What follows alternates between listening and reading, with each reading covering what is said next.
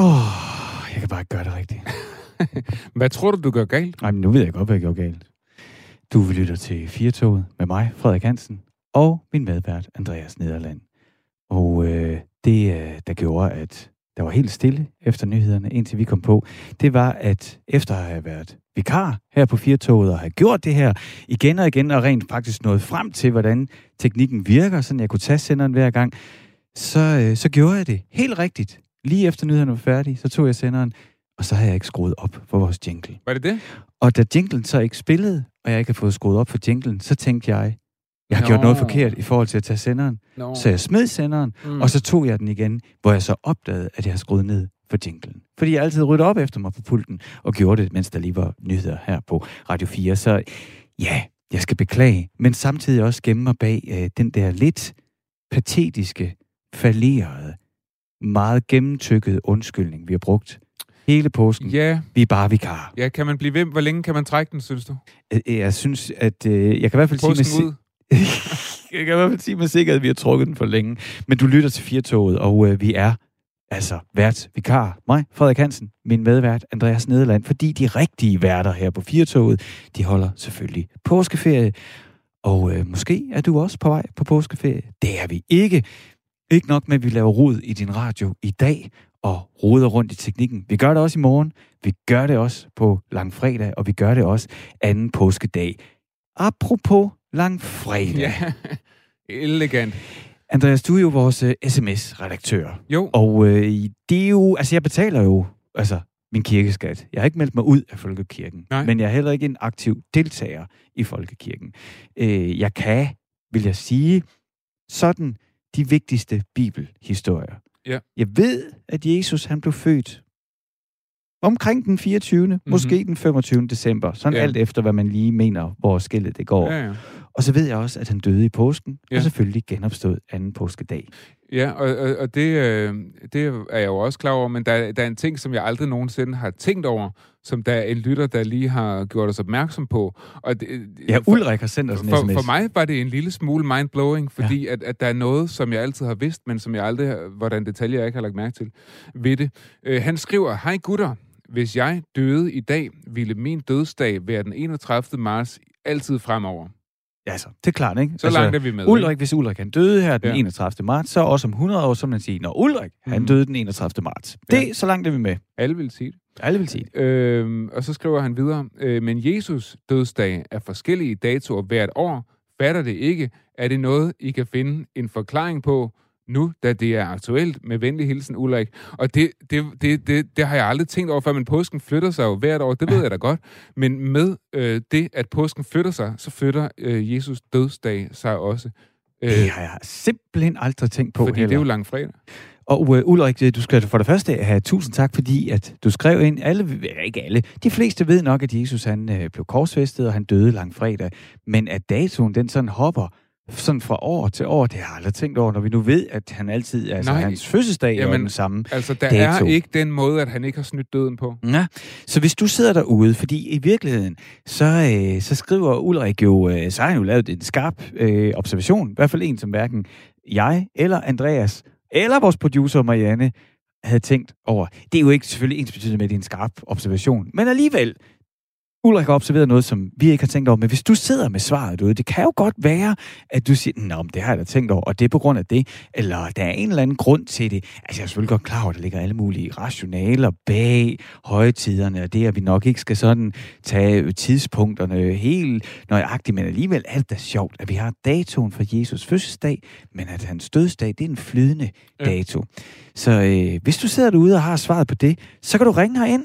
Det kan du gøre ved at ringe på 72 30 44 44, altså 72304444, eller du kan sende en sms til min gode ven Andreas, der står lige her og holder øje med, at sms'erne kommer ind. Hvis du vil sende en sms til programmet, jamen så skal du sende den til 1424. Det er altså 1424, og du skal bare huske at begynde din sms med R4. Altså bogstavet R, og så et firtal mellemrum, og så skriver du ellers løs. Så øh, hvis du har svaret på, at øh, hvordan kan det være, at vi ikke har datoen, den eksakte dato for Jesus død, men at det bare ligesom er den her flydende lang fredag, så vil vi rigtig gerne høre fra dig. Ja, og der kan jeg jo så sige allerede nu, at det gik meget stærkt. Vi har allerede fået øh, et, et bud her øh, fra en fyr, der hedder Kenne, som skriver, vores kalender fandtes jo ikke dengang. Læs lidt bøger i to.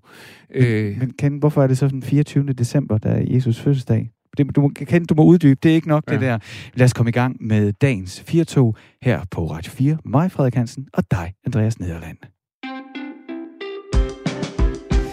der er nok ikke nogen, der er i tvivl om, at øh, vi har danske stjernekokke. Altså, at dem der, der virkelig er gode til at lave mad her i landet, de er kendt verden over.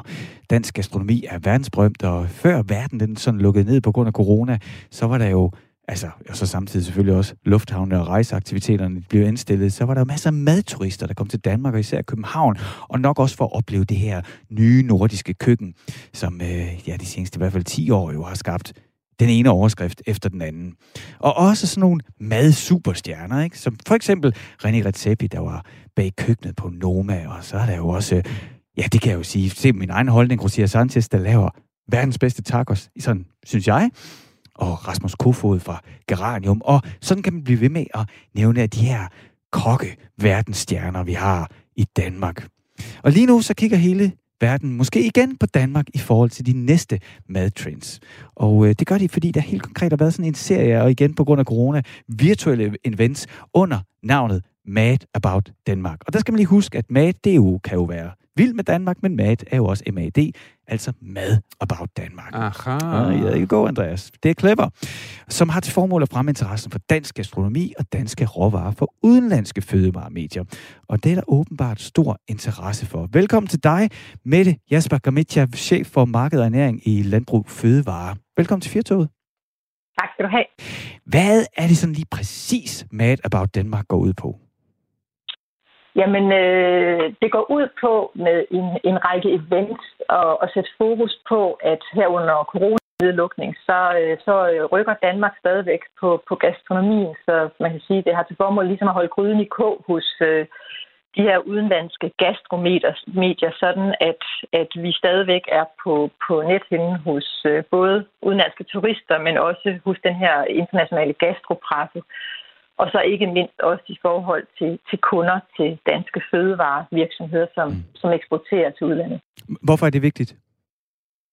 Jamen det er jo vigtigt, fordi vi lige nu ikke kan mødes på grund af øh, coronarestriktioner. Man kan sige, at i hele Europa lige nu, så er grænserne jo lukkede, og restauranterne er også lukkede, så der er ikke rigtig nogen gæster. Vi får heller ikke rigtig nogen turister. Men når vi nu skal til at i gang igen med at bestille rejser, øh, så er det jo rart, at man stadigvæk husker, at Danmark findes, og at man spiser noget fantastisk med i Danmark, og vi har nogle af, af verdens bedste restauranter. Så det er sådan set det, de her virtuelle events har til formål at kommunikere.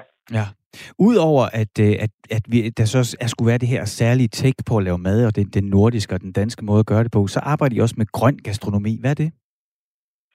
Ja, jeg ved ikke, om det er grøn gastronomi. Man kan sige, at øh, bæredygtighed, det er, jo et, øh, det, det er jo et tema, der har enormt stor fokus øh, i Danmark lige nu. Øh, og man er måske kommet lidt senere i gang på nogle af de markeder, vi har omkring os, øh, og måske også der, hvor nogle af vores øh, turister kommer fra, eller hvor vi også øh, eksporterer nogle af vores fødevarer til. Øh, Øh, så det, der bliver talt meget om, det er også, at, at øh, flere danske restauranter har en holdning til, til bæredygtighed. Øh, det gør jo, at, at det alt andet lige skaber noget ny opmærksomhed omkring, hvad er det, vi kan. Man kan sige, at hele det nye nordiske køkken, som jo startede for en del år siden, og som, som jo øh, afstedkom, at vi fik Noma og nogle af alle de andre stjernerestauranter, at det var jo egentlig baseret på øh, en form for bæredygtighed i forhold til, at man skulle bruge lokale råvarer, og mm. man skulle arbejde med de øh, produkter, der nu var i nærområdet. Øh, også de gode danske fødevarer, vi producerer her i Norden og i Skandinavien og i Danmark ikke mindst. Så man kan sige, at det udsprang jo lidt af det, og nu arbejder man altså endnu mere med det, og øh, har meget fokus på madspil, og man har fokus på, øh, hvor kommer øh, fødevarene fra, og, og hvordan bruger vi dem. Og så selvfølgelig er der også den her grønne dagsorden med, at at flere er interesseret i at, at spise mere frugt og grønt, øh, og måske også spise, øh, spise det på en anden måde. Mm. Er der ikke noget paradoxalt i, at, man, at, at Danmark også så gerne vil eksportere fødevarer, når det nu udspringer en bevægelse, der handler om at bruge det, der var der?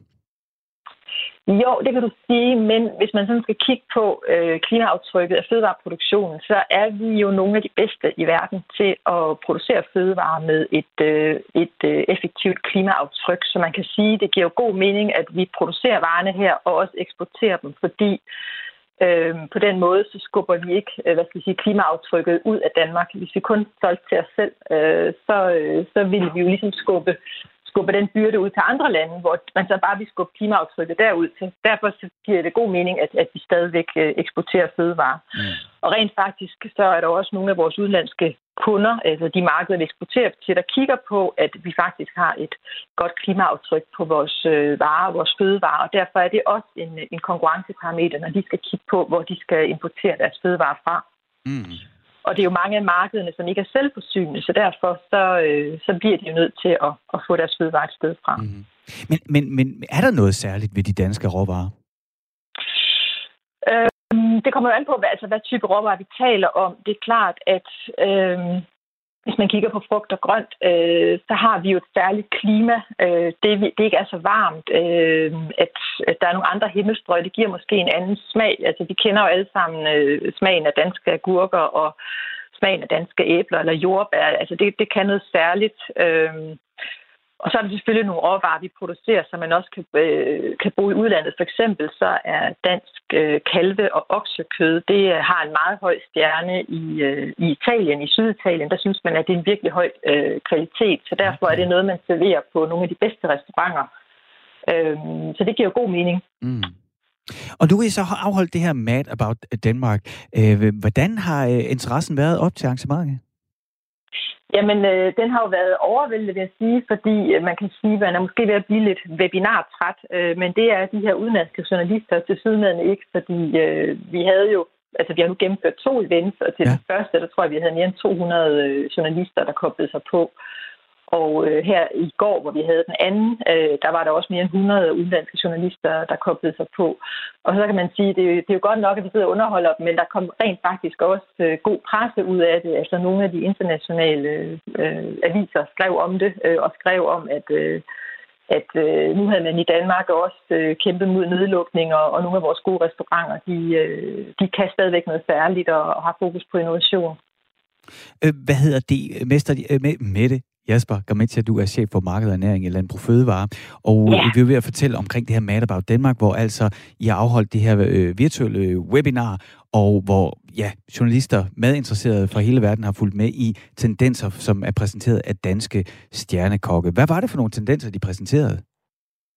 Jamen, man kan sige, altså vi har jo øh, i den første, øh, i den første Madras Danmark, så talte man meget om, hvad, hvad, hvad der skete her under corona-nedlukningen. Øh, står København stille, står Danmark stille, og der talte man meget om, at, at restauranterne havde også set nye muligheder. Man er begyndt med det her takeaway, og på MoMA har man lavet den her burgerbar, og Øh, personligt synes jeg, de har lavet verdens bedste burger, øh, som man kan købe nu øh, som takeaway. Og så er der flere restauranter, der også har udviklet nye koncepter. Altså for eksempel hos øh, øh gastro, øh, hvad hedder det, Rasmus Munk har for eksempel lavet øh, mad til hjemløse. Øh, og så er der jo kommet den her bagerbølge. Øh, altså, der blev solgt sindssygt mange fastavnsboller her i sidste måned, men, men der er også skudt nye bagerier op, øh, uafhængig af, at, at, at mange har været lukket ned. Men, men så har danskerne altså fået øjnene op for, at, at der er noget virkelig godt bagerhåndværk. Øh, så, så der er kommet sådan en helt ny bølge af, af bagerier, der åbner, hvor det er sådan noget virkelig højkvalitets øh, brød og kager, som, som de producerer øh, og sælger. Og det gør, at der sådan set sker noget i København stadigvæk, og der er også nye øh, restauranter, der, der fortæller, at de åbner så snart de kan, så, så, så madscenen er ikke gået i stå, selvom de har været lukket ned. Nej. Jeg tænker, at når, når man ligesom, øh, når I skal arrangere, øh, altså lave sådan et arrangement, ikke, så er der jo ofte nerver på op øh, til, går det hele nu, som det skal, og der er jo også øh, teknikken, og det er folk fra hele verden, der skal følge med, og, og du står der og tænker, øh, og håber på, at det hele, det klapper, som det skal. Øh, men så står man også ofte øh, med en øh, følelse af stolthed, når man så er færdig. Havde du den følelse i går? Øh, ja, altså jeg, jeg, jeg, som du siger, man er altid glad for, at teknikken det fungerer. Ja. Øhm, så kan man sige, at vi havde en, en, en sådan meget øh, direkte diskussion omkring, hvad, hvad, hvad det betød for de her kokke. Det var så Camilla Seidler og Christian Pugliese og René Redzepi, der var på i går, ikke, som talte meget om det her med bæredygtighed, hvad betød det for dem. Også nogle af de udfordringer, det var. Det var ikke bare en, en dans på roser, og, og det var egentlig også en meget ærlig snak. Øhm, så jeg synes jo, at, at, at, øh, at det spillede, som det skulle, og, og vi fik også øh, taletid til de her kokke, og øh, der var mange, der hørte med og lyttede med til, til hele, hele Mad About Denmark. Det var rigtig fint. Og nu må vi se, om der så kommer noget pres ud af det selvfølgelig.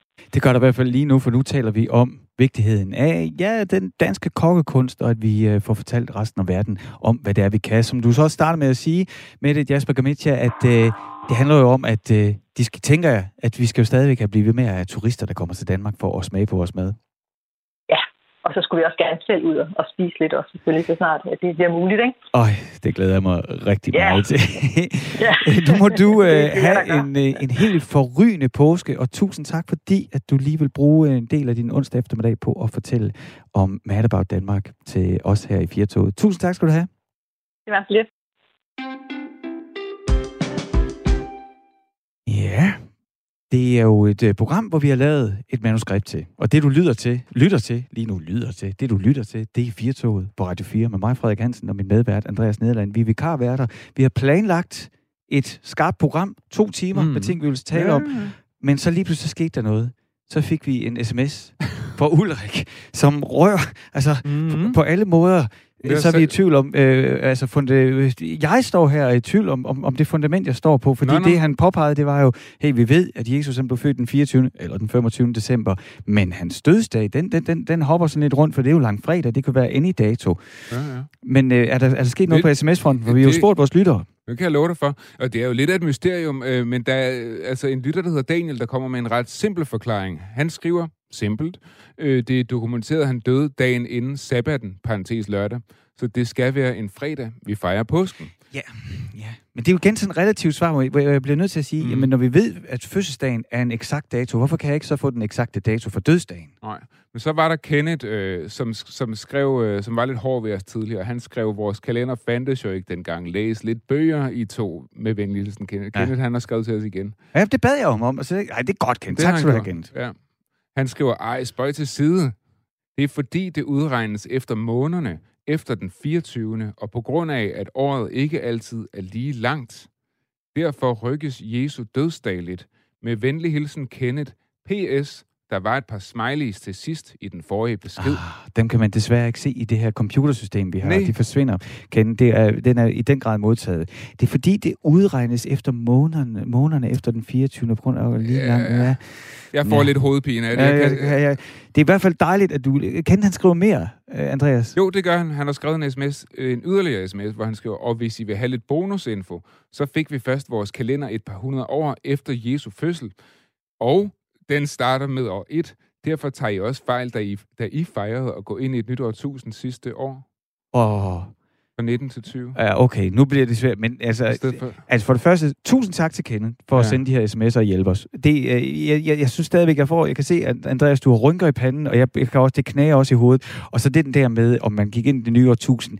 Jeg kommer sådan lidt til at tale, tænke på den amerikanske øh, komiker John Mulaney, som sagde, der er altid et barn til sådan en sleepover, der et minut over midnat siger, ved I godt, at i dag er i morgen? Men altså, Kenneth, tusind, tusind tak for, din, øh, for at hjælpe os med at forstå med, altså, hvornår var det egentlig lige, Jesus døde? Nu laver jeg simpelthen verdens dårligste radio, apropos, fordi der fra Jesus død til dyrenes død.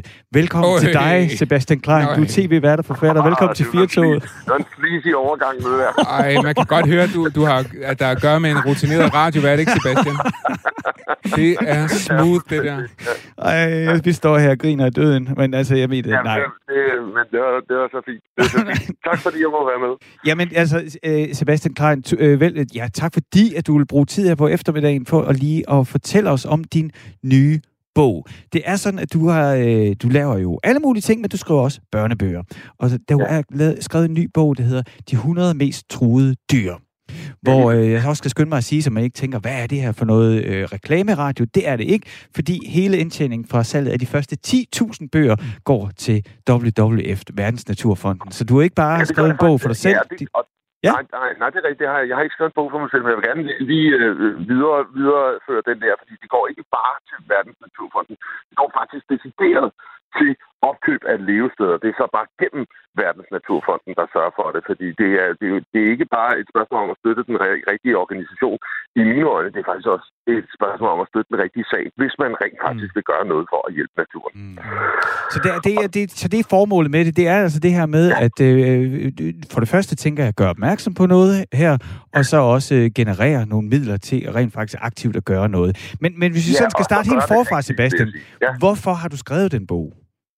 Jamen, det har jeg gjort, fordi jeg synes, det er enormt interessant, og fordi at jeg synes, øh, og fordi jeg fandt ud af, hvorfor det var, øh, at alle de her dyr var troede. Fordi øh, vi, vi, vi går jo rigtig, rigtig mange af os går og tænker, uh, det er også noget skrækkeligt noget for naturen lige i øjeblikket med alt det plastik. Eller det er også noget skrækkeligt noget med de der klimaforandringer. Det er noget forfærdeligt for naturen, og det er noget værd noget med landbruget, og det er noget værd noget med olieforureninger, og det er noget værd noget med alt sammen. Og så har jeg egentlig gået og tænkt, øh, og sat mig lidt ind i, hvad er egentlig de værste problemer, og hvad er egentlig... Øh, hvad er egentlig problemerne for, for, for, for, for de troede dyr, der er? Hvorfor er de egentlig troede?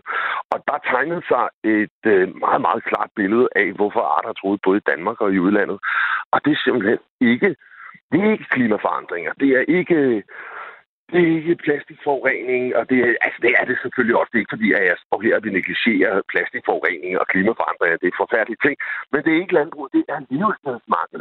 Det er simpelthen fordi, at vi udnytter naturen til vores egen fordel i så høj en grad, at levestederne for alle de forskellige øh, arter, de forsvinder. Og vi- Og vi er nærmest op på, at 9 ud af 10 arter, der er truet, de er truet, fordi deres levesteder er truet. Så det, det egentlig i princippet handler om, det er, at vi skal have nogle levesteder til de her dyr, og det er derfor, at pengene fra, fra, fra bogen går til at opkøbe og bevare levesteder, ikke bare i Danmark, men rundt omkring verden. Men hvorfor, hvorfor er levestederne troet, Sebastian? Hvad er det, vi bruger de levesteder Ja, til? fordi, Du- jamen, du- for du- satan, lige i øjeblikket, så sidder jeg med en, øh, altså, jeg snakker ind i en mobiltelefon. Den er lavet af nogle, af nogle varer, som er taget et eller andet sted fra naturen. Det er tøj, vi har på. Øh, alt det udstyr, vi har inde i jeres studie. Alting er jo taget. Alting tager vi jo et eller andet sted fra. Men vi glemmer sgu i vidt omfang at give noget tilbage. Vi glemmer i vidt omfang at tænke, okay, vi høster et eller andet sted fra. Vi er nødt til på en eller anden måde også at så, på en eller anden måde at sørge for, at der også er noget natur til resten af verden. Fordi det skal ligesom hænge sammen. Og der er altså nogle organismer derude, som, øh, som vi har taget så meget fra, at nu begynder de altså at svare igen på, øh, på, på den mest sørgelige vis, nemlig ved at forsvinde. Ja, altså, og, og så hvis jeg nu lige skulle være djævelens advokat, for det er jo, jeg synes, det er svært for mig at indtage altså sådan en, en modsat holdning til, du har. Men Sebastian, jeg giver det lige et skud, ikke? Øh, bær med mig.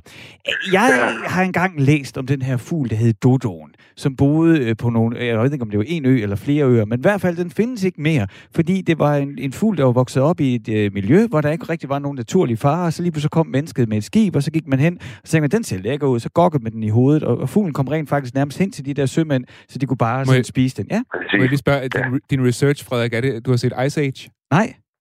Nå, det er, nej, nej, det er, det er jo min yndlingsforfatter Douglas Adams, som Ah. har lavet en bog, der hedder Last Chance to See, som er helt fantastisk, som også handler om det her. Nå, men, men, men det er bare... Altså, jeg savner jo ikke Dodoen, Sebastian. Ja, det er også fantastisk. Og den hedder jo på dansk, hedder den jo en dronte. Nå, det er en dronte, Det er der var den, ja. Og det, det er sådan en, en øh, og hvis man skal beskrive den på lytterne, så er det sådan en ku stor due, altså som ser, øh, som så virkelig mærkeligt ud. Ja. Øh, men som altså blev udryddet præcis på den måde, du sagde, at den nærmest kom hen til folk, fordi når man, når man fangede en dronte, det for, fortalte simpelthen, øh, øh, fangede en dronte, så, så skrabede de der dronter op, som de fangede, og derved så tiltrak de alle de andre dronter, og så kunne man nærmest sådan samle dem ind, bare ved at få dem til at skrige og proppe dem ned i tønder og tage dem med øh, ombord på skibene og bruge dem som pro- proviant. Men, Men, hvad, var, hvad var egentlig dit spørgsmål? Mit spørgsmål er, den savner jeg jo ikke. Det går jo fint nok uden dronten. Nå ja, ja, ja, vi kan sagtens undvære en hel masse ting. Det kan vi sagtens. Vi kan også sagtens undvære øh, Medinas nye nummer. Vi kan sagtens undvære Jørgen Utzons operahus. Vi kan sagtens undvære Frederik og Andreas. Vi kan Nej! sagtens undvære en hel masse. Nå, men altså, i bund og grund, det, det du siger, det er det der med, vi kan sagtens undvære det. Ja. Det kan vi godt. Vi kan også undvære lidt bipladen. Vi kan også undvære øh, Mozart. Vi kan undvære Rembrandt og, og Picasso. Vi kan undvære sindssygt meget. Hmm. Altså, og, og det vil ikke influere på vores overlevelse, og vi vil i princippet, altså, kommer jeg måske nogensinde til Paris igen og ser det der skide Eiffeltårn? Det er jeg ikke sikker på, at jeg gør. Men ved du hvad, jeg kan godt lide, det er der. Mm. Og jeg kan også godt lide, at jeg, jeg, jeg er bedrøvet over de ting, som er forsvundet. Også af bygningsværker, at vi har mistet de der, øh, de gamle vidunder, altså de hængende haver i Babylon, og, og, og hvad ved jeg, fyrtårnet i Alexandria. De er væk for altid, og vi ved ikke rigtig helt præcis, hvordan de så ud. I, øh, det, det er det samme, vi er ved at miste her.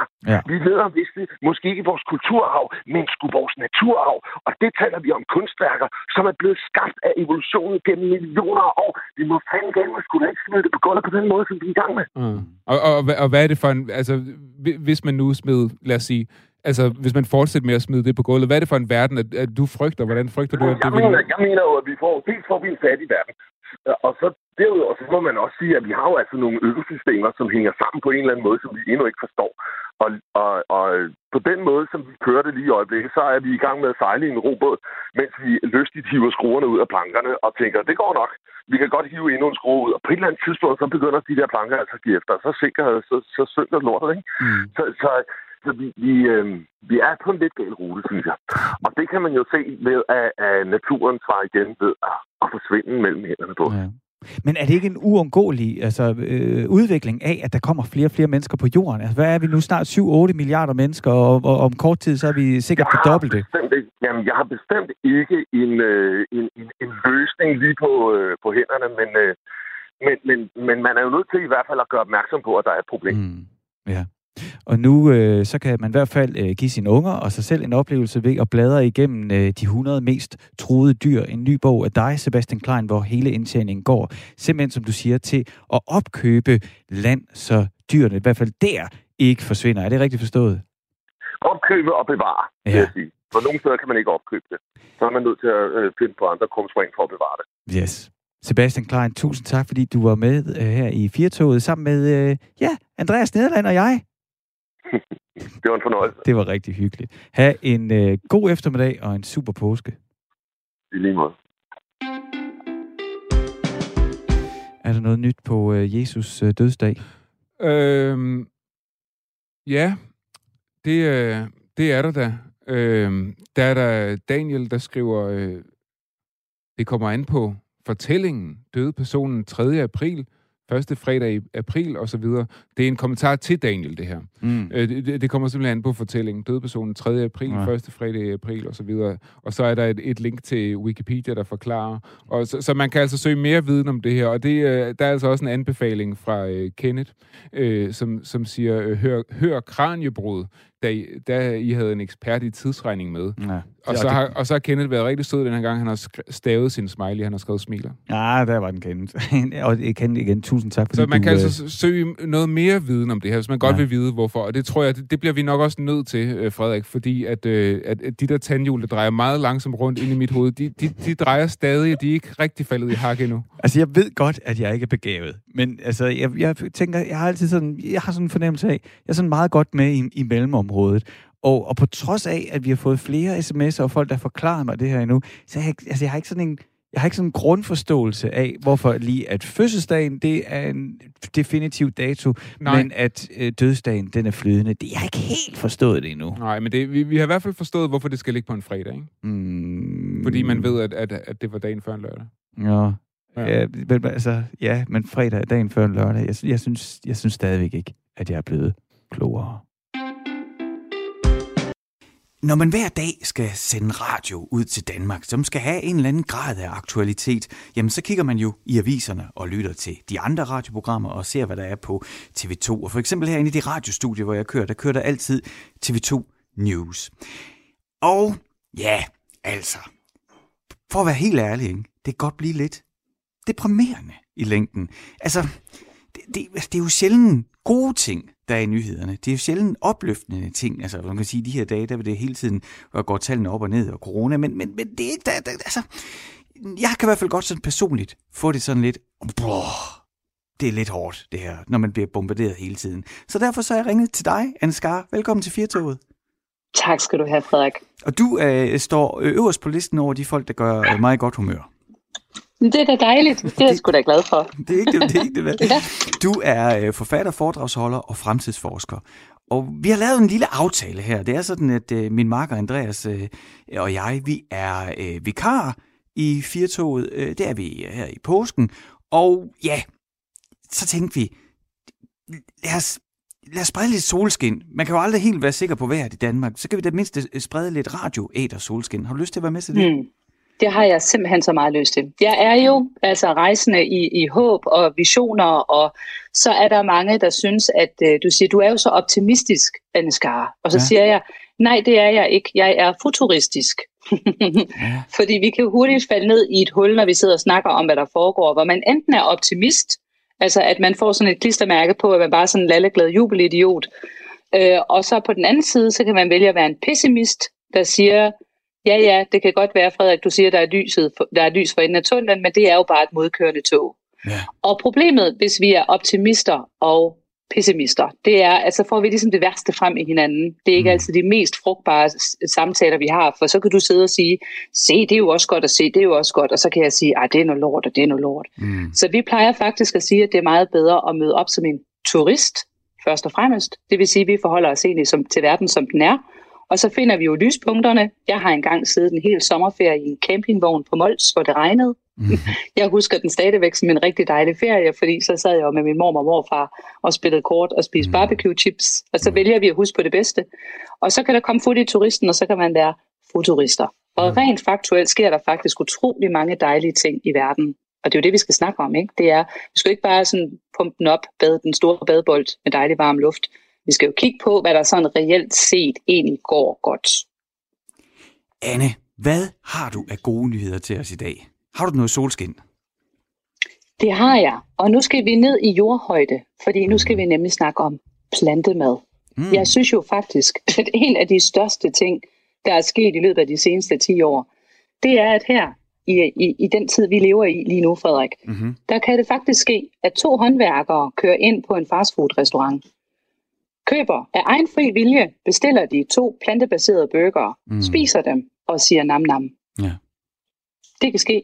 Det, det er jo med ikke sket for 10 år siden. Det, det er fuldstændig For 10 år siden, hvis man spiste plantemad, så var man jo sådan lidt en frelsk klidmoster. Ja. I dag, der, der kan du sagtens se, du ved, sådan en helt hakket ja. øh, crossfit-mand, øh, der bare ser mega godt ud af i super god form, ikke? Mm. som så er, er sådan helt naturligt siger, og jeg spiser jo kun planter. Ja. Og så vil du ikke rynke et øjenbryn.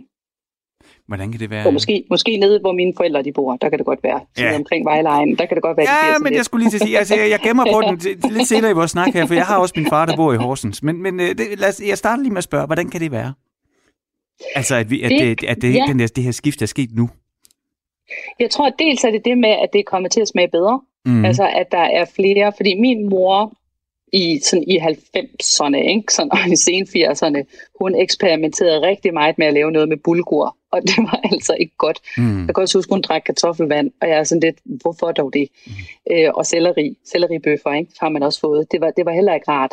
Og jeg tror, at nu er vi bare kommet der, hvor for eksempel restaur- restauratører, det er jo også sådan en trend, der har været i tiden. Det var sådan specielt op igennem 90'erne og 0'erne. Det var, at hvor, hvor køkkenet tidligere har været kvindernes domæne, og var også ofte i vores byggeri et rum, som lå afsides i huset, altså var lagt ned omkring et hjørne, og det har også været, fordi at køkkenet i gamle dage var et farligt sted, hvor der var ild, så det at, det at lægge et køkken ind midt i huset, var jo dumt i forhold til, at hvis der gik ild i noget, så brænder hele huset ned. Så derfor har køkkenet altid ligget lidt afsides, og så var det et sted, hvor kvinderne gik hen og lavede mad. Da mændene så kommer ind på banen, der flytter køkkenet ind og bliver et teaterstykke, så et åbent samtalerum, et udstyrstykke, du mm. ved, hvor der også skal være global knive, og der skal være en blender, der kommer fra Porsche-fabrikken. Og så fik vi den her hårde af skaldede, tatoverede kokke, ja. som kom ind på scenen og lavede madprogrammer. Og der kom mega meget status i mad. Altså hvis mænd kan noget, så er det bare at tage noget, som der før du tidligere, hvor kvinderne har siddet, du ved, det vi skulle lave altid. Roer. Ja, ja, nu skal du se, hvad jeg kan med roen. Mm. Det er jo det samme med børn. Også ikke der med, hvis, hvis en mand, min mand, da han gik på barsel, da han arbejdede i AP Møller, der var folk jo også sådan helt, skal du passe dine egne børn? Ej, det er jo helt vildt, ikke sikkert en status.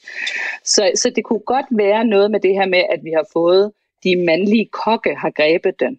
Ja. Altså de, de har taget den, vi har jo blandt andet Lumskebugten i København, øh, hvor der var kokken der, ham der ejer der, ikke? han gik jo all in på at lave plantebaseret mad, hvor mm. du mhm. faktisk kun kan få lækker, lækker mad. Alle de store Michelin-stjerne-restauranter og Noma og sådan noget. Ikke? De greb jo hele den her ny nordiske, hvor man også begyndte at dyrke afgrøderne. Mm. Det lokale med klima. Og så blev det lige pludselig også en god forretning. Altså faktisk har den her butik, der hedder, skal vi se, den ene hedder øh, Beyond Burger, tror mm. jeg nok, og så er der en anden en, der hedder Impossible Meat. Ja, nej. De var for et år siden noget af det hotteste, man kunne investere i i USA. Og det er jo ikke, fordi der sidder en masse vegetarer derovre, der synes, at vi skal være gode for verden. Det var, fordi de kunne se, at nu vil forbrugerne have det. Nu er der flere og flere mennesker, der begynder at efterspørge det. Ja. Jeg tror også, at der, hvor man tidligere har været, hvis man var veganer og vegetaren i familien, så har man været lidt underlig. Men nu hvor der lige pludselig begynder at komme mange, og der kommer flere salater på bordet med granatæbler i, og det faktisk smager super godt, ikke? Mm. og du får nogle alternativer til kød, der faktisk smager super godt, og man kan mærke, at man også laver flotte pøller. altså det, mm. der er jo altid sådan en succeskriterie, hvis du kan lave en pølle, der kommer ud, som om den var beklædt med cellofan. Så bliver man bare et lidt gladere menneske i løbet af dagen.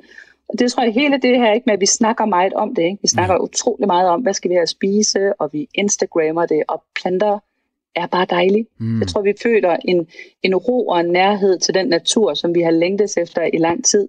Vi får god samvittighed, når vi spiser grøntsager. Øh, og så er det bare blevet nemmere. Ikke? Der er blevet meget mere sådan noget, det der hedder convenience, hvor du jo i de fleste supermarkeder i dag kan købe salat og du ved, grøntsagsretter, hvor du bare lige kan gå hjem og stege dem på en pande. Det, det, er, det, det er sjovt, øh, de her samtaler, vi har, Anne, for jeg kan se mig selv i det hele tiden. Jeg kan ikke finde ud af, om det er bare, så er jeg bare en kliché, eller om men du siger jo også, at det er noget, der virkelig sker. Ikke? Så, så, så det er jo nok bare, fordi jeg er en del af, af flertallet. Så. Men altså, jeg er jo jeg er vokset op i Horsens. Jeg er født i 1975. Og min mor, hun øh, gik hjem, og hun lavede varm mad hver dag. Og der var altid kartofler, og der var altid sovs, og den var altid lavet på piskefløde, og der var altid kød hver dag. Mm. Altså, øh, og til det sidste, inden hun døde, det, altså, det var bare, det holdt hun bare fast i. Hun synes i den grad, det var noget pjat. Øh, nu skal min far så lære at lave mad, eller det har han så brugt de sidste par år på, og det, øh, det går da også. Øh, det, det, det synes jeg faktisk, han gør meget godt. Og jeg tror, men jeg kan stadigvæk se det der med, at jeg er nemlig så, inden for de sidste par år, er ikke helt stoppet med at spise kød, men altså, det sker måske en gang om måneden. Altså, jeg gider ikke at være sådan øh, afvisende eller sådan umulig til et selskab, hvis der kun er kød. Men hvis jeg selv laver mad, jamen, så er det uden kød. Ikke? Og det er bare sket. Øh, mm. Men jeg kan se, at når han så skal invitere mig, og det er frokost eller aftensmad, så bliver han i tvivl. Altså, så, så, så du ved, det, det, er sådan en, det er stadigvæk for ja. ham mystisk. Så bliver han hvordan, usikker. Hvordan skal, vi, ja. hvordan skal jeg håndtere det her, siger han så. og så siger han, du, du, jeg sagde, at lav nogle flødekartofler, så er, så er børnene og jeg glade. Men, men altså, du ved, det, det, er, altså, det er stadigvæk for nogle eksotiske, Anne. Jamen, det er det. Og det, og det er jo så fint også det her med, og det skal vi også huske på, at noget af det her med, at ting bliver eksotiske i dag, og vi også skal have de her lidt lumrende konflikter mellem generationer, det er jo også fordi generationerne er her. Ikke? Det er jo fordi, mm. de ikke er døde. De ja. folk lever jo lang tid i dag, og det vil sige, at vi lige pludselig kan have nogle rigtig sjove samtaler med bedsteforældre og børnebørn. Mm. Altså, jeg kommer også ud, jeg kommer fra Vejle, min, min mand kommer fra Kolding, og vi kommer altså ud af en frikadellenation, ikke? Ja. Altså, vi, ja, det, det, er jo sådan nogle eklatante kødspisere. Min mm. far er fuldstændig sådan, det her med, at hvis ikke der er noget kød på bordet, så har der ikke været noget at spise. Mm. og, det, og, og der er jo også, tror jeg, at det der, hvor de står på, det tror jeg egentlig er meget også med farverne. Fordi den kost, der kommer ud af der, hvor vi kommer fra, Frederik, ikke? Mm. den er jo brun og beige, ja. og en syltet agurk, og hvis der er noget, der er farvet, så er det en syltet rødbede. Ja. Ej, nu bliver jeg sulten. Og når du kommer over på det plantebaserede, så er du jo en regnbue, ikke? Ja. Og jeg tror, hvis de bare får lov til at få begge dele, og man kan sige, det smager godt, og det smager godt, og så er der lidt for alle, så tror jeg faktisk ikke, de har de store problemer. Men på den anden side, så tror jeg også, at du er en meget fin eksponent for det, der sker i tiden med, at det bare er kommet stille og roligt. Mm. Der er nogen, der, der har truffet valget. Jeg har jo for eksempel min yngste, Jens Otto, han har været vegetar siden han var fem år gammel. Ja. Og nu fylder han altså 11 næste gang. Ikke? Mm. Og, og der har jo været, jeg vil ikke sige kontroverser, men der har været sådan nogle øh, civilisationsclashes mellem øh, farmor og farfar og Jens Otto. Ja. Og hvor min, hvor min farfar eller hvor hans farfar, hvor jeg kunne se det sådan noget med, at han forstod det faktisk ikke, men han ville rigtig gerne. Ja. Så han præsenterede jo Jens Otto for en flæskesteg. kom, kom nu. Han og holdt den hen foran ham. Du ved sådan, synes du da ikke, den er flot? Altså, synes du ikke, den er lækker? Og hvor Jens Otto, fem år gammel, bare tørt konstaterer, jeg spiser ikke mine venner. Nå. Ikke? Altså, at det, var, det, var, det er hans bevæggrund Ja. ja. for at spise planter, det er, at han er sådan en stor dyreelsker. Mm. Han kan ikke holde ud det der med at skulle spise et levende væsen. Det er helt forkert for ham. Mm. Men han var så fin. Altså, du ved, min lille Jens Otto der, han har aldrig lavet et nummer ud af det. Det var bare, jeg spiser ikke mine venner. Nej. Jeg skal ikke have kød. Mm. Og det gjorde jo, at det bare afmonterede bedstefar, fordi det var ikke noget i det, det var forkert. Det var bare hans valg. Ja. Og det tror jeg, vi kan respektere. Det Ja. der med, jeg tror, vi kan godt respektere hinandens valg, men vi skal også turde stå ved vores egne. Og ligesom kød kan faktisk være super bæredygtigt. At der er mange områder i verden, hvor, øh, hvor det faktisk er, er ret godt at have kødkvæg gående, og så spise græs, og du faktisk ikke vil kunne gøre andet med det. Og så får vi bare en mega lækker bøf en gang imellem. Altså vi får, ligesom du kan servere det for din far, du kan sikkert også en gang imellem synes, at det er fedt at få en lækker bøf, Ja, for ja. eksempel. Ikke? Eller det kan være, at man, man synes, at, øh, at rejer smager godt. Mm. Og så kan man også lige pludselig få sådan et budskab, det ved jeg ikke, om du har prøvet, der ødelægger det for dig. Altså hummer for eksempel. Mm-hmm.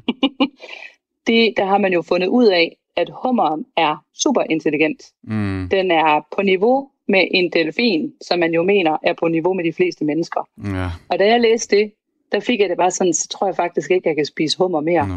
Men min ældste, der elsker hummer, han siger, det kan jo være, at den er ond. det er god motiv. Altså, er, er er det, nu ved jeg pludselig 100%, at når man lytter til vores samtale her, ikke, øh, så øh, vil der være nogen, der tænker, hold op, hvor de frelste, og bla bla bla, og det Ja. har aldrig taget skade. Og jeg Ja. kan se, hver gang, at der er sådan en diskussion, hvis jeg sidder og stener Facebook, og der så opstår sådan noget, ikke, så er der altid, og det, det er egentlig på tværs af alder og køn, der er bare nogen, som føler sig provokeret. Det er mit bud. Altså, som også vil føle sig provokeret af den her samtale lige nu. Hvor, altså, hvorfor gør man det? Det er fordi, det er identitet. Der er så, mad, så meget med vores madkultur, som fortæller, hvem vi er. Og det kan godt være, at vi ikke rigtig vil være ved det, fordi vi føler, at det sætter os i bås. Mm. Og der skal vi jo bare igen altså hvile i vores egne beslutninger. Øh, det her med at sige, at hvis, hvis man elsker frikadeller, jamen så skal man have lov til at spise frikadeller. Ja. Hvis man øh, synes, der skal være medisterpølse på bordet til julefrokosten, jamen så gør vi da bare det. Der er plads til det hele.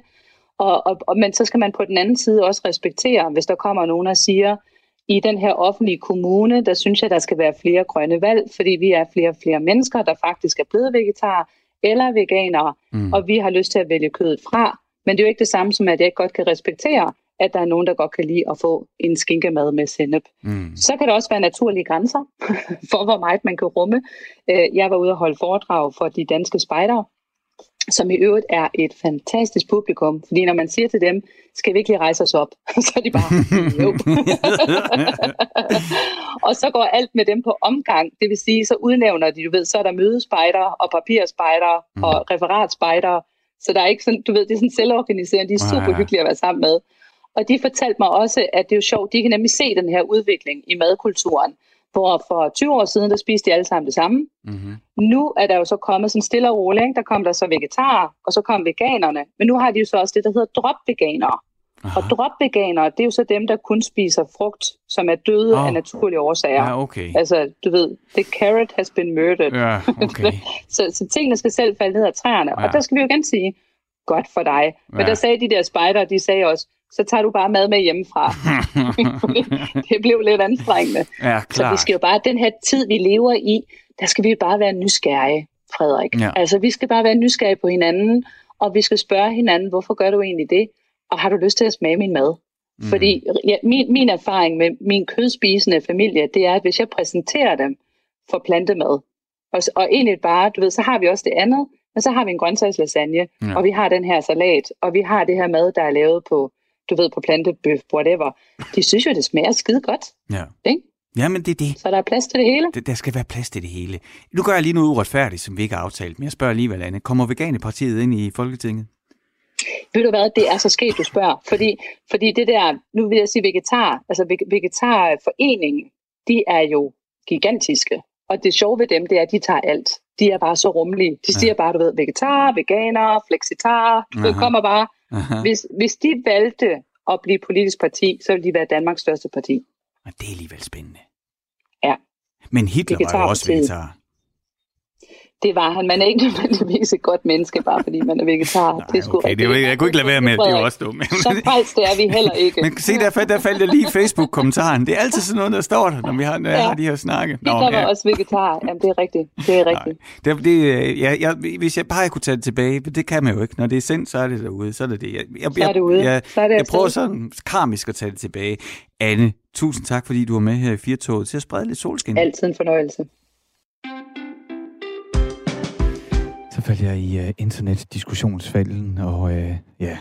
Du trak Hitlerkortet? Jeg tog fat i Adolf. Lad os, uh, lad os parkere ham, og i stedet for, uh, så vil jeg kigge på uh, en anden øh, hvis navn begynder med A. Kan du mærke, hvordan jeg er i, øh, altså jeg er apropos den, og bare hopper fra det ene af til det andet af? Man kan godt høre, at du har sendt radio i et par dage nu. Du, du, du, øh, du kan snart ikke kalde dig vikar længere. Nej. Altså, du kan alle tricksene. Jeg vil sige, at jeg ved at lande i rollen, så skal jeg bare lige finde ud af at styre teknikken også. Andreas, du er vores sms-redaktør. Mm. Er der sket noget? Jeg, jeg, jeg tror lige, jeg, jeg laver lige en opsamling. Mm. Vi har jo spurgt om alt muligt. Det plejer vi at gøre. Men så lige pludselig spørger, øh, så, så undrer Ulrik sig. Han skriver en sms til os, og så, sådan, hey, vi ved, at Jesus han blev født den 24. eller den 25. december. Men hvordan kan det være, at hans dødsdag, det er altid en ny dato? Hvis jeg døde den 31. marts, altså i dag, så ville det være min dødsdato resten øh, om 100 år også. Men Jesus, den er til, den er til diskussion, og der har vi altså fået mange gode bud fra jer lyttere. Men især Kenneth har været på sagen og forsøger at hjælpe os, fordi vi har jo altså virkelig været ærlige. Vi forstår det ikke helt. Mm. Han er på banen igen, kan jeg så sige. Er det rigtigt? Ja. Tusind tak, Kenneth. Vores gode ven, øh, som jeg synes, at han har udviklet sig til, han skriver med hensyn til jeres spørgsmål om, hvorfor Jesu fødselsdag er fast, og hans dødsdag ikke er det. Så er mit bedste gæt, man vil også kunne have... Åh, oh, der hoppede den lige en gang. Så er mit bedste gæt, man vil også kunne have bestemt, at hans dødsdag var en fast dato hvert år, og så regne ud efter samme system, som man regner sig frem til dødsdagen, hvornår fødselsdagen er. Men når nu man plejer at blive født først, tror jeg, de har valgt den metode, men det er kun et gæt. Med mm. venlig hilsen, Kenneth. Og så er der lige kommet en sms ind fra Henrik Christensen. Påsken ligger, hvor den gør. Første søndag efter fuldmåne, efter forårsjævndøgn. forårsjævndøgn. Ligesom den jødiske påske, der er en fejring af udgangen af Ægypten. De fejrer sejren over farve, og de kristne fejrer Jesus sejr over synden og døden. Det er til lige en fejring og en oprydning med forårets komme. Her i Norden er det et frugtbarhedsfest med nye æg med mere. Den er blevet overtaget af de kristne og taget til indtægt som kristen fejring. Tiden, hvornår Jesus blev korsfæstet, er underordnet. Altså tiden som i datoen. Hilsen Henrik Christensen, og tak Henrik mm. for den sms. Men vi er jo altså virkelig nysgerrige på datoen, og det er jo det, som Ulrik han undrede sig over. Ja, ja. Jeg er helt med på, at, at kirken har måder at regne tid på, og alle de systemer. Ja. Jeg forstår dem ikke, men jeg er med på, at det er sådan en konstruktion. Men jeg synes stadigvæk, at, øh, at når vi nu har datoen, at vi har vedtaget en dato for Jesu fødsel, så gad jeg da godt have datoen for hans død også. Ja. Jeg tænker, at vi lige renser paletten en gang, Frederik. Ja. Ligesom hvis man spiser sushi, så tager man lige et stykke syltet ingefær for ja. lige at rense, ikke? Jo. Og det tror jeg, vi gør med den her sms. Ja. Øh, fra Werner. Ja som skriver, hej, det hedder ikke nam nam, men nom nom. Det er en af de mange ting, jeg lærte af min kat. Med venlig hilsen, Werner. Og på den måde, så synes jeg, så er jeg klar til at gå videre til noget nyt. Ja, jamen, øh, jamen så, øh, så synes jeg da bare, øh, tak for den sms, Werner. Skal vi have en lille stemquiz så? Det kan vi godt. Eller har du flere sms'er? Jeg, har, en, du... jeg har flere sms'er, hvis det er. Jeg, altså. jeg tror, du har en, som vi gerne vil runde ja. Så kom med den, og så kan vi tage en lille quiz, hvis ja. du skynder dig. Gutter, I har jo chancen nu, hvor I er vikar og selv bestemmer, så I kunne lave et helt firtog-program med udelukkende gode emner og indslag, totalt fri for corona og alt muligt andet crap med venlig hilsen Ulrik. Og vi går ud fra, at det er samme Ulrik, som satte, øh, vores, øh, som satte øh, Jesus dødsdato undren i gang.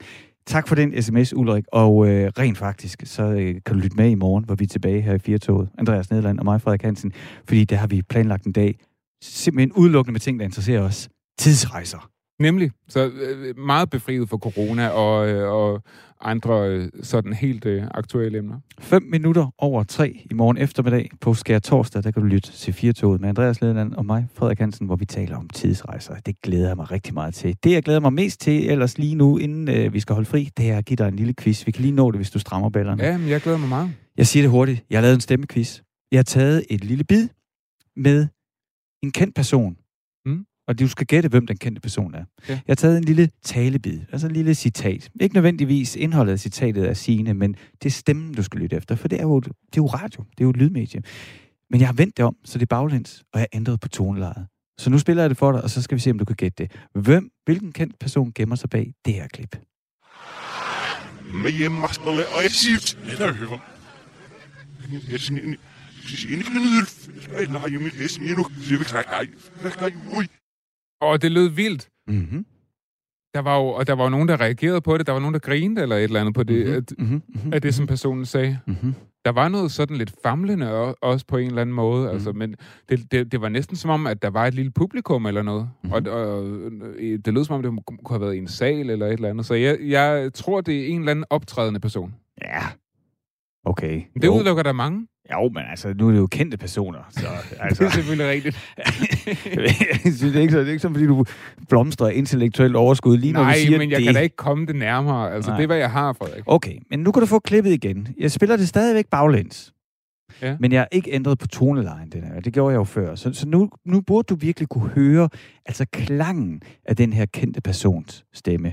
Ikke? Du kan høre klangen, og måske også, hvordan stødene ligger, og melodien ligger. Den er bare baglæns. Ja. En kendt person, jeg har altså taget en kendt person, et lille citat fra den kendte person, og spillet klippet baglæns, og nu skal Andreas, og dig, der lytter med, gætte, hvem er det?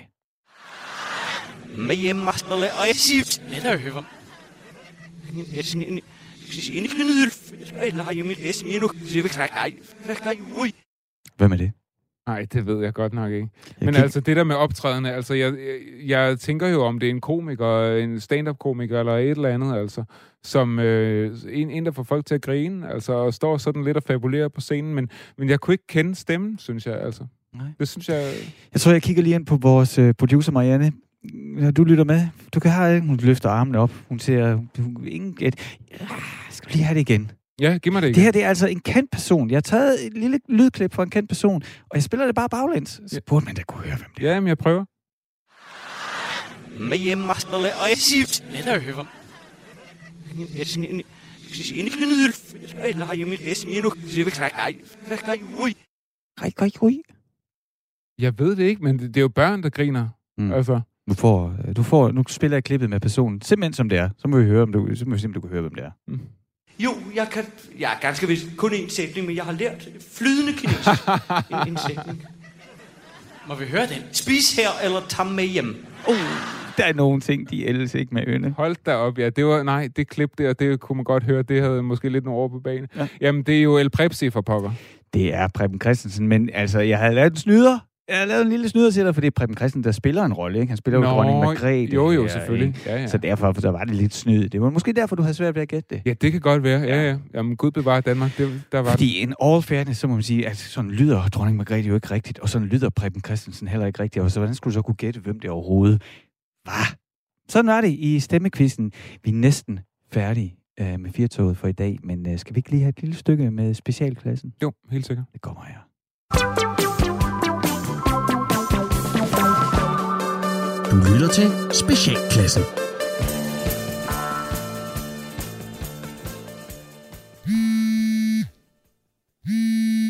Det er Jonas. Hej Jonas, det er Helle nede fra Bamsestuen. Hej Helle. Um, er alt okay? Ja, ja, alt er fint. Oh, det godt. Jeg kan bare se, at der ligger rigtig mange fine kunstværker op på toppen af Lukas Emils plads. Hvad for noget? Ja, altså, vi havde jo øh, fernisering for vores små juniorkunstnere kort før påske, hvor børnene øh, de kunne udstille alle deres forskellige tegninger og pigeberenserfigurer. Ja, og, ja, og, ja det, det kan jeg godt huske. ja, og så var der også nogle glaserede lærting, vi lavede. Ja, Og, ja det, det, fordi der, jeg, jeg har også en rigtig fin hest, som Lukas Emil han har lavet. Den står faktisk her på mit skrivebord lige nu. Nå, hvor fint, hva'? ja, ja, den er super sjov. Ja, Ja. ja, så er der bare alle tegningerne og piberenserfigurerne, som også ligger og, og flyder op på hans plads. Ja, men ved du hvad, øh, Helle, kan du ikke bare, øh, kan du ikke bare kylde dem ud? Øh, ja, okay. Skal de bare ud? Ja, yeah. det tænker jeg. Okay, fordi tanken er jo, at I forældre kunne få kunstværkerne med hjem. Ja, men ved du hvad, det er sgu ikke alt det, Lukas Emil han laver, der er lige stor kunst. Oh, okay, ja. Uha, det vil jeg jo passe på med at sige højt sådan noget. Hvad? Ja, altså, det er da lige præcis sådan noget der, jeg vil passe på med at sige højt, fordi det er sådan noget, der kan knække en lille kreativ sjæl. Ej, prøv at Helle, jeg kan sgu ikke hænge alle 2.000 tegninger op, men størstedelen af dem, det er jo bare nogle, nogle kasser og cirkler, og så siger han, det er en monster truck. Det gider jeg sgu da ikke have hængende. Nej, okay, ja, men øh, ja, det er nok også bare mig. Jeg vil, det er jo fordi, jeg bliver, jeg vil blive rigtig glad for alle de ting, som min Camille laver. Men altså, ved du hvad, Jonas, det er fint. Jeg, jeg, jeg, jeg smider dem ud. Ja, altså gør bare det. Ellers så, altså, om du køler det ud, eller jeg køler det ud, det er vel lige meget. Ja, så det kan jo være, kan være det samme, ikke? Så det er fint. Jeg, jeg skal heller ikke blande mig, Jonas. Jeg er jo, jeg er jo, jeg er jo bare pædagog.